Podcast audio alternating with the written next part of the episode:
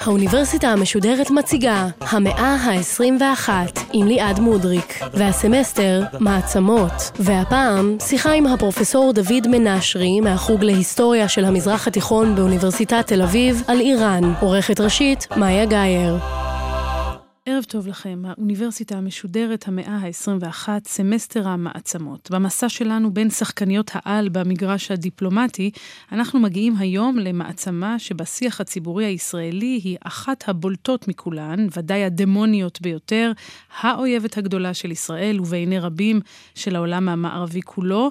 הכוונה היא כמובן לאיראן, ואנחנו הערב עם פרופסור דוד מנשרי, אה, פרופסור אמריטוס, מייסד מרכז אליאנס ללימודים איראניים באוניברסיטת תל אביב, שלום לך. שלום רב. אז חוץ מבינינו ובעיני עצמה, איראן היא באמת מעצמה? מבחינת השטח, איראן היא מעצמה. זאת אומרת, אה, בתוך איראן אפשר להכניס את גרמניה, בריטניה וצרפת ביחד, ויישאר עוד מקום לכמה מדינות אירופאיות. מבחינת המיקום, איראן היא על דרך הימית להודו, ועל הדרך היבשתית של דרך המשי. איראן היא מדינה גדולה, היום היא 85 מיליון נפש.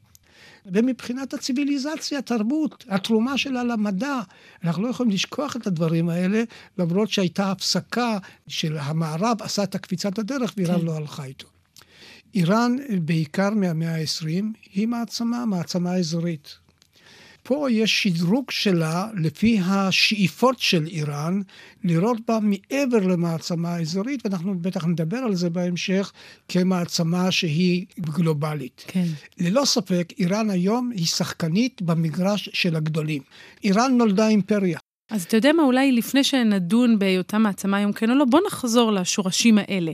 כמה רחוק זה הולך? זה המאה החמישית או השישית לפני הספירה, נכון? לפני זה, במאה השביעית לפני הספירה, השושלת האחמנית, אבל שהגיעה לשיאה במאה החמישית, שהדמות שלה, שהופך אותה למעצמה עולמית, זה כורש הגדול.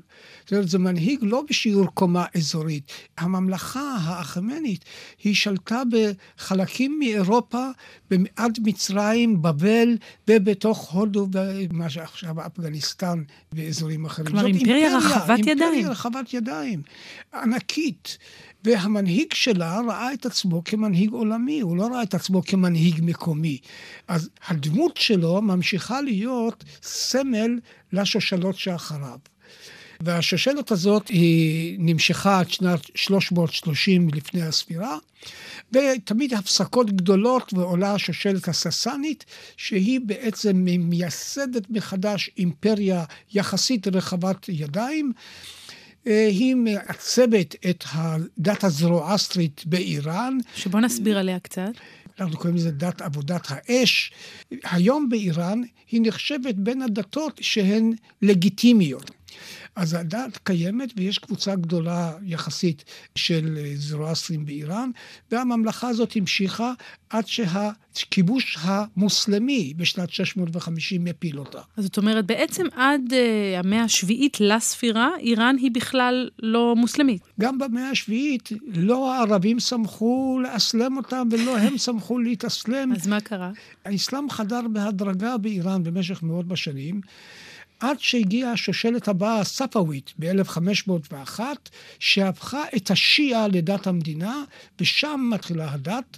ושוב, אני מדבר פה בהפסקות של מאות שנים, של מדינה גדולה מאוד, שהיא עולה ונופלת, ופלישה סלג'וקית ומונגולית, ועד שעולה השושלת הקז'ארית בסוף המאה ה-18, שמתחילה את העימות בעצם עם המערב, ומביאה לשקיעתה של איראן, ולאחר מכן נסגור את השושלות האלה, השושלת הפרלבית לאחר מלחמת העולם הראשונה, כן. עד 1979, והיום המשטר של אנשי הדת. עכשיו, בשיעה הנאמנות היא למנהיג, למנהיג כן. הדתי. זאת אומרת, המנהיג הדתי זה כמו חצר של חסידים, והנאמנות היא אישית, ולכן הנאמנות היא הרבה יותר אישית והרבה יותר אדוקה ופנאטית. ואני זוכר שכשהגעתי פעם ראשונה לאיראן, לתקופה יחסית ממושכת בראשית שנות ה-70, אחד המכתבים שכתבתי לאוניברסיטת תל אביב, למנחים שלי, זה ש... האסלאם שאני רואה באיראן זה לא האסלאם שלמדנו בספרים. עכשיו, המאזינים של היום יודעים את ההבדל בין שיעה וסונה. כן. כשאני למדתי באוניברסיטה כמעט לא לימדו על הסונה. זאת אומרת, זו התחייה של השיעה. אני אגיד עוד מילה לגבי השיעה, וזה מתייחס גם לדברים של היום. השיעה זה דת של מחאה, של מאבק, של התקוממות. ולכן היו גם מומחים, כמו פרופסור דבשי מאוניברסיטת קולומביה, שהטילו ספק שהשיעה יכולה בכלל לשלוט, כי היא טובה רק לאופוזיציה.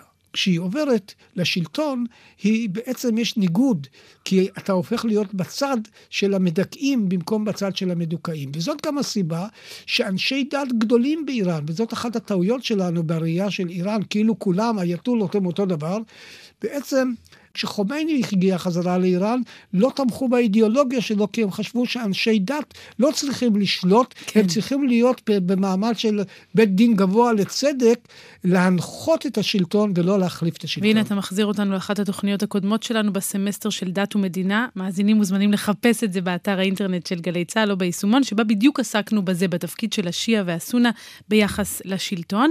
צריך לומר בהקשר הזה שאיראן הופכת להיות מדינה, אמרנו, שיעית, מוסלמית, לא ערבית. אנגלית כמובן, וזה בעצם יוביל אותה עד למקום שבו היא נמצאת היום. זה, ואולי עוד מוטיב משמעותי, זה המאבק מול המערב או הקדמה, נכון? תראי, ההיסטוריה האיראנית החדשה היא לא מאבק נגד המערב. פה יש שתי תקופות. התקופה של הפעלבי, בית המלוכה האחרון, שרצה להשתית את איראן על שתי רגליים עיקריות. הרגל של מורשת המלך כורש הגדול, ולכן השאה הכתיר את עצמו ב-1971, עשה חגיגות ל-2500 שנה למלוכה בפיאר והילל את כורש, ועל היסודות של המורשת התרבותית הפרסית.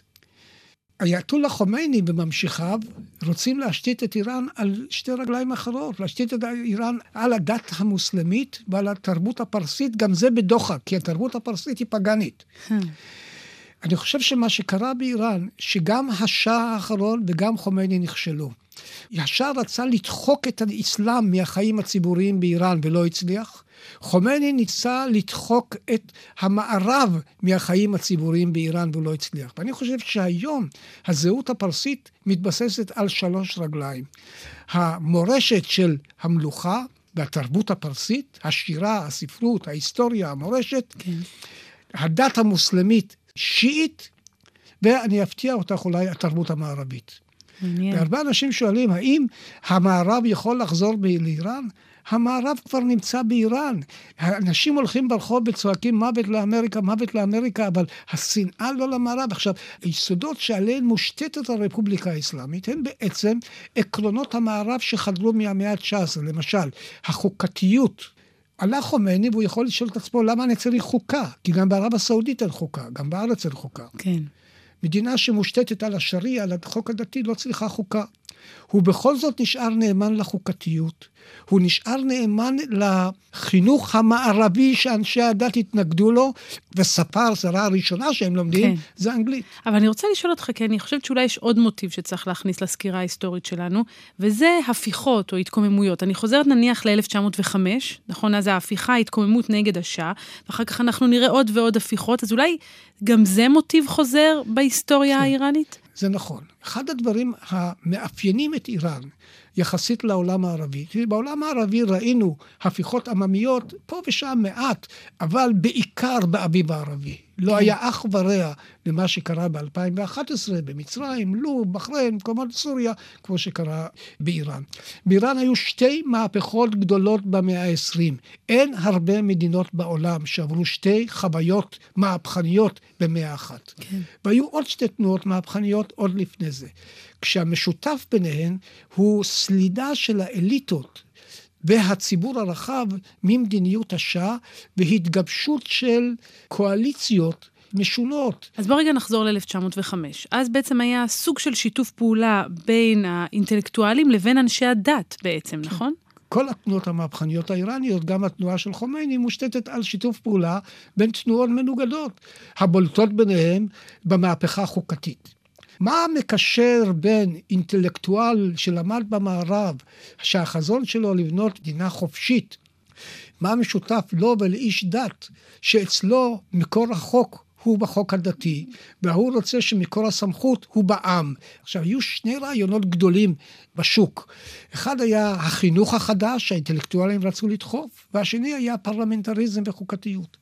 לאנשי הדת החינוך הפריע הרבה יותר מהפרלמנטריזם, כי זה משהו ארטילאי, לא בטוח. חינוך, אתה נכנס לחנך את הילד מגיל רך, כן. ואתה נכנס לנפשו, ואתה גם לוקח את המקום של המורים שהם היו אנשי דת. זה היה יותר קל להתאגד דרך העניין החוקתי, כן. וזה מוביל בעצם למהפכה הראשונה, ואז גם, כמובן, כמעט 50 שנה אחר כך, לבחירות הדמוקרטיות הראשונות באיראן. אני לא הייתי מגזים בבחירות הדמוקרטיות. יש הבדל בין מה שהיה באמת לבין מה שבדימוי, בזיכרון הקולקטיבי של הציבור האיראני. בזיכרון הקולקטיבי הייתה פה ממשלה שנבחרה כחוק, אבל התערבות מערבית דחקה את מוסדק, ראש הממשלה הנבחר, ובעצם מאז ההפיכה הזאת של 1953 הופכת להיות לאחד הסמלים של עוולת המערב והצורך להילחם נגדו. ובעצם שוב אתה מחזיר אותנו לשני הזרמים המנוגדים האלה, הצורך להילחם במערב מצד אחד, אבל מצד שני, בתקופה הזו שאחרי הבחירות ולפני המהפכה של חומייני, תהיה גם מערביזציה באיראן, נכון? הפלת מוסדק הפכה את השאה לשליט בלעדי באיראן בהדרגה.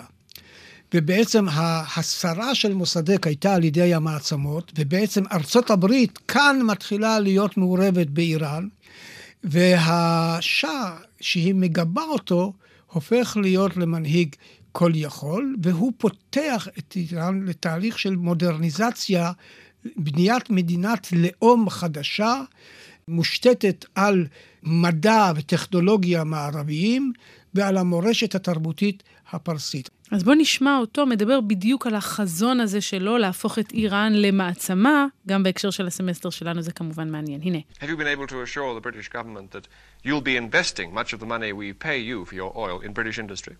Sure, because industry. I think that our, our country in the next 10 years will be what you are today. In the next 25 years, according to other people, I'm not saying that, will be among five most prosperous countries of the world. When you become something like that, you start to act accordingly.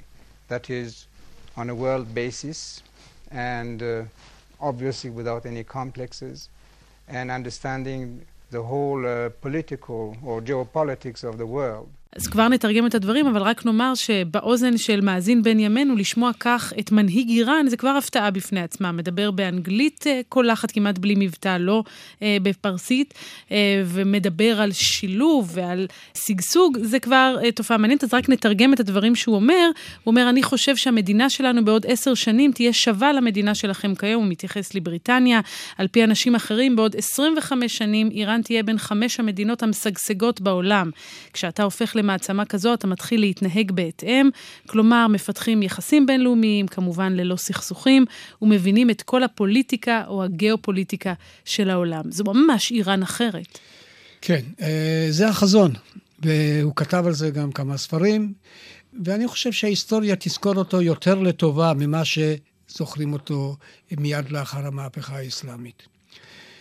הבעיה שלו הייתה שהוא הגזים. כל דבר שהוא עשה, הוא הלך קצת יותר מדי רחוק. כל העניין הזה של להידמות לכורש, ולעשות חגיגות מפוארות, ובעצם להזמין את כל מנהיגי העולם, אבל את העם הפרסי הוא לא הזמין. תראי, אני הייתי שנתיים באיראן לפני המהפכה. זה היה מדהים, איראן הייתה פתוחה למערב. בחורות הלכו עם מיני, הלכת לחוף הים וראית נשים עם ביקיני, ומצד שני נשים עם רעלה שנכנסות ככה עם הרגליים לתוך המים.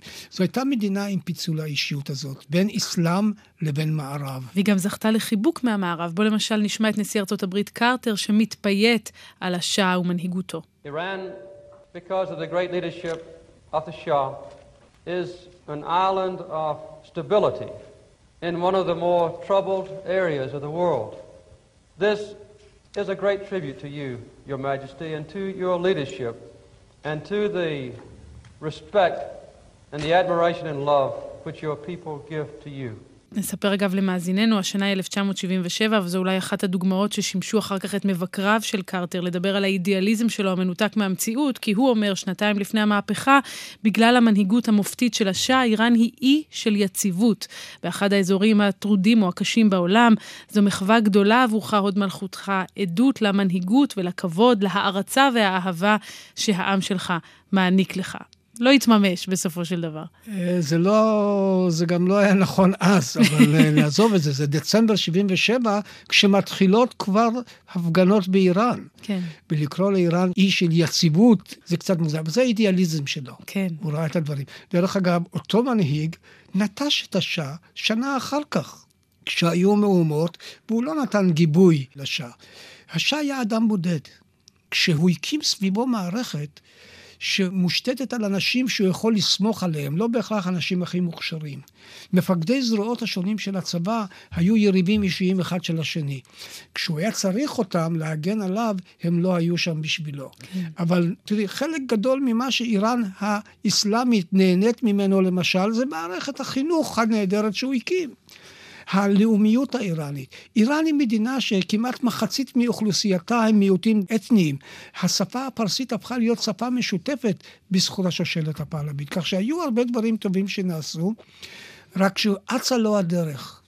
זאת אומרת, זה אדם שחשב שהוא יודע יותר טוב מה טוב לעם שלו, הוא אומר, תעזבו אותי עם הדברים, השיטות דמוקרטיות, לא דמוקרטיות, אני אביא אותם לשם. וכשמדבר קרטר ומדבר על אהבת העם, זה בדיוק תקופת השבר שהעם התחיל לצעוד בכיוון אחר. התחיל לצעוד, וב-79' גם הגיע לאן שהוא רצה להגיע. כן, שוב, תנועה מהפכנית. תראי, מה המטרה של התנועה המהפכנית הזאת? ואני, אני אומר לך, אני מושפע מהשנתיים שהייתי באיראן ערב המהפכה הזאת. כן. אף אחד לא יספר לי שמה שהעם הפרסי רצה זה לחזור לאסלאם, להקים רפובליקה אסלאמית. העם היה לו רע. כשהשאה מדבר שבעוד עשרים שנה הם יהיו מעצמה עולמית, כל הבעיות החברתיות, הבריאות, השיכון, ייפתרו. ויהיה חופש באיראן, והעם פותח את העיניים ואומר, איפה זה ואיפה המציאות, איפה ההבטחות.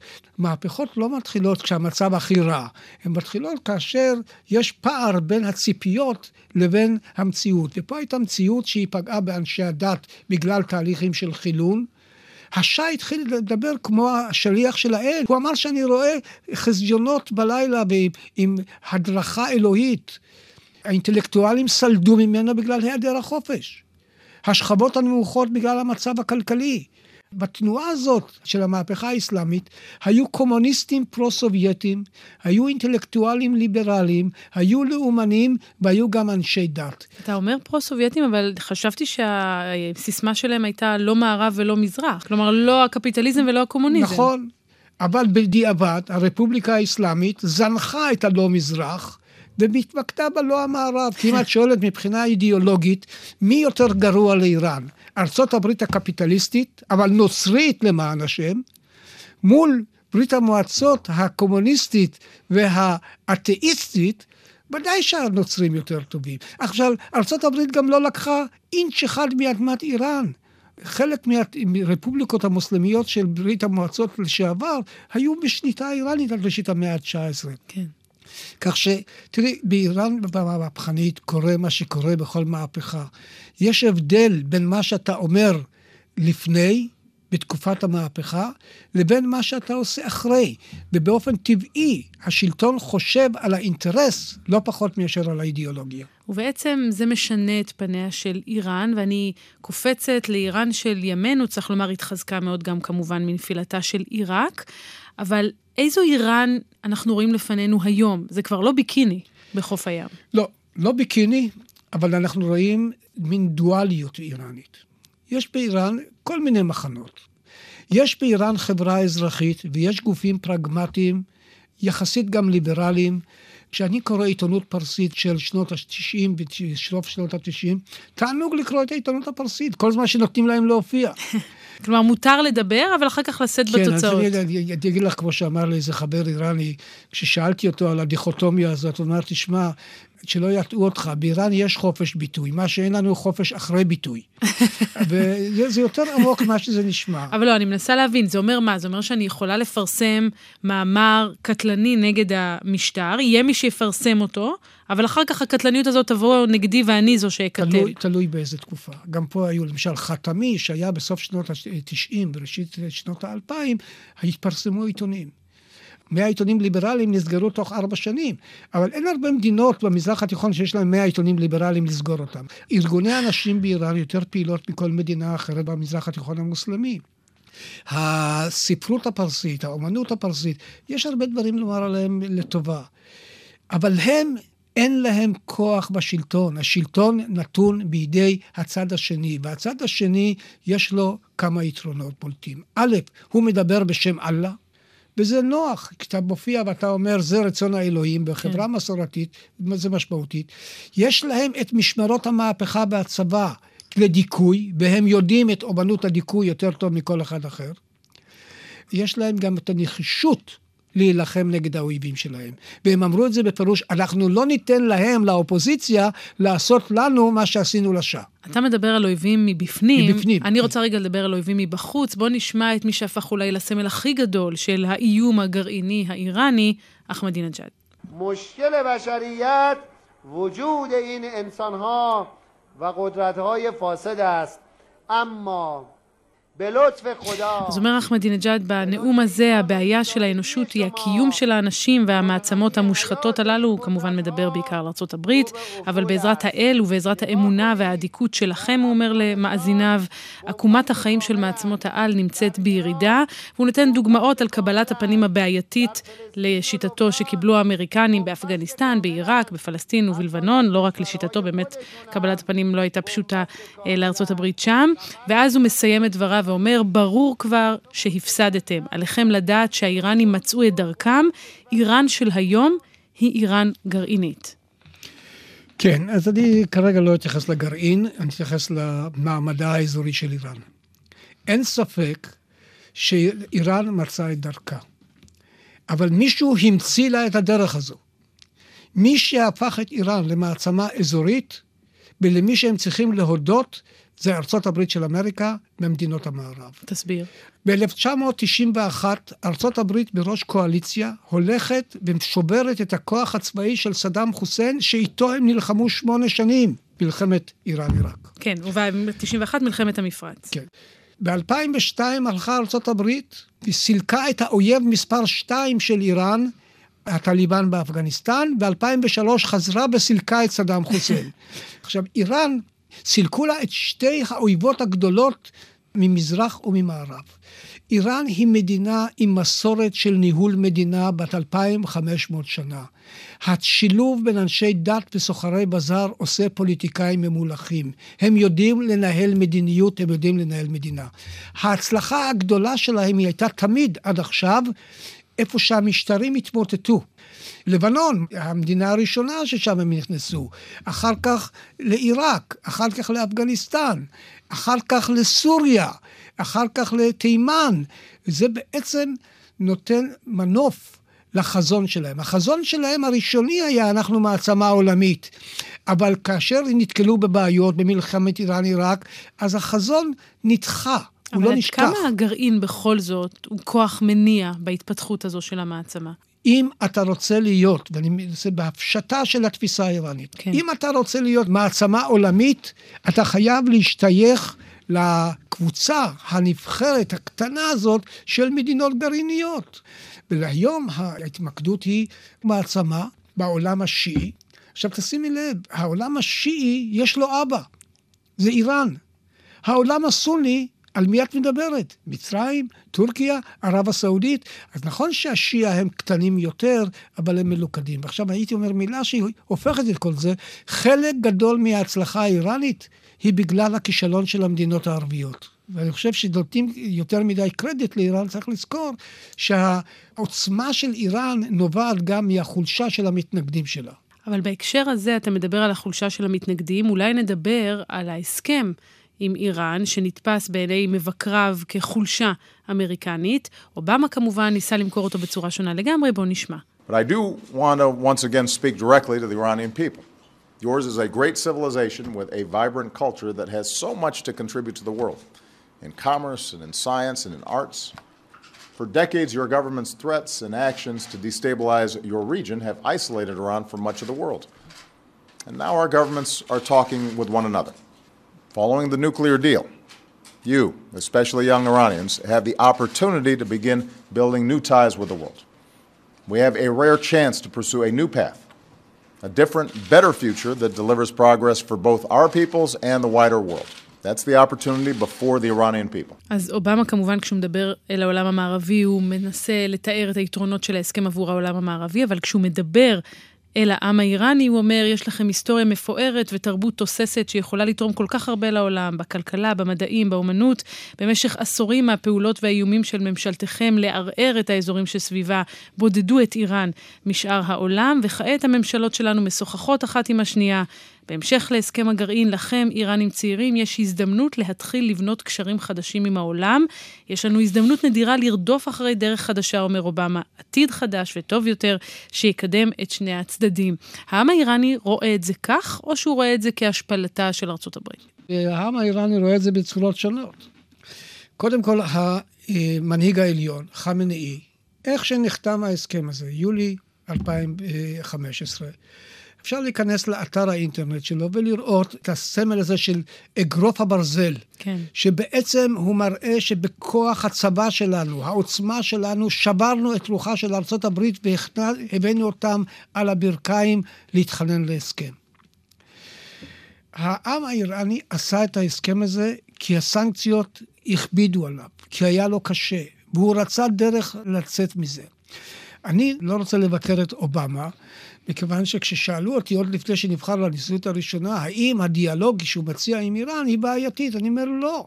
הדרך היחידה לפתור בעיות בין מדינות עוינות זה דרך דיאלוג. אני חושב ששוב, פה יש נשיא כמו קרטר, עם איזה חזון כן. ליברלי, דמוקרטי, שהוא בעצם מאמין שאם נעשה הסכם היום, ונניח שהם לא ייתנו לאמריקאים להיכנס, אבל אירופה תיכנס, אבל אירופה תפתח לנו את הדרך. טוב, כמובן לא שהאמונה הזו כבר לא רלוונטית, כן. כי יש לנו נשיא חדש עכשיו, אבל כן. ההסכם עדיין עומד בעינו. אנחנו מתקרבים לסיום, אני רוצה לשאול אותך, דיברנו על האופי המהפכני של איראן, לפחות במאה ה-20. אתה כבר צופה את המהפכה של המאה ה-21? אני לא צפיתי אף פעם אף מהפכה. כי אני לא רואה, כמי שעוסק בהיסטוריה, יכולת לחזות. אבל אם אני צריך לשאול את עצמי, מיהו הכוח שיכול להפיל או להביא לשינוי של המגמה שנמצאת באיראן, אין לי ספק שזה הנוער האיראני. ראינו אותם יוצאים לרחובות ב-2009, דוכאו ביד קשה, אבל זה היה הפתיח לאביב הערבי שבא ב-2011. ראינו אותם באירועים אחרים בהיסטוריה האיראנית. אני לא יודע מתי זה יקרה, ואי אפשר לדעת מהו יהיה הגפרור שיצית פה את האש. אה, וכמו שאמר המשורר, פתאום קם אדם בבוקר, הוא מרגיש שהוא עם ומתחיל ללכת, ואני אהבתי את הפתאום. סיטואציות כאלה בהיסטוריה מתרחשות, אבל אחרי שזה קורה, יגידו לך, כן, ידעתי, ודאי, וזה זה לא להאמין לאנשים האלה. כן. אנחנו לא יודעים, וזה יקרה. כי הנוער האיראני, אני חושב שהוא העתיד של החברה הזאת. תודה רבה לך, פרופסור מנשרי, על השיחה הזו, ואנחנו ניפגש גם בשבוע הבא בעוד פרק של האוניברסיטה המשודרת. אתם כמובן מוזמנים להצטרף. להתראות. Ba-da-ba-ba-ba האוניברסיטה המשודרת המאה ה-21. ליעד מודריק שוחחה עם הפרופסור דוד מנשרי מהחוג להיסטוריה של המזרח התיכון באוניברסיטת תל אביב על איראן. עורכת ראשית מאיה גאייר. עורכות ומפיקות תום נשר ונוגה קליין. מפיקה ראשית יובל שילר. מנהלת תוכן מאיה להט קרמן. עורך הדיגיטל עירד עצמון שמייר. האוניברסיטה המשודרת בכל זמן שתרצו באתר וביישומון של גל"צ וגם בדף הפייסבוק של האוניברסיטה המשודרת. した。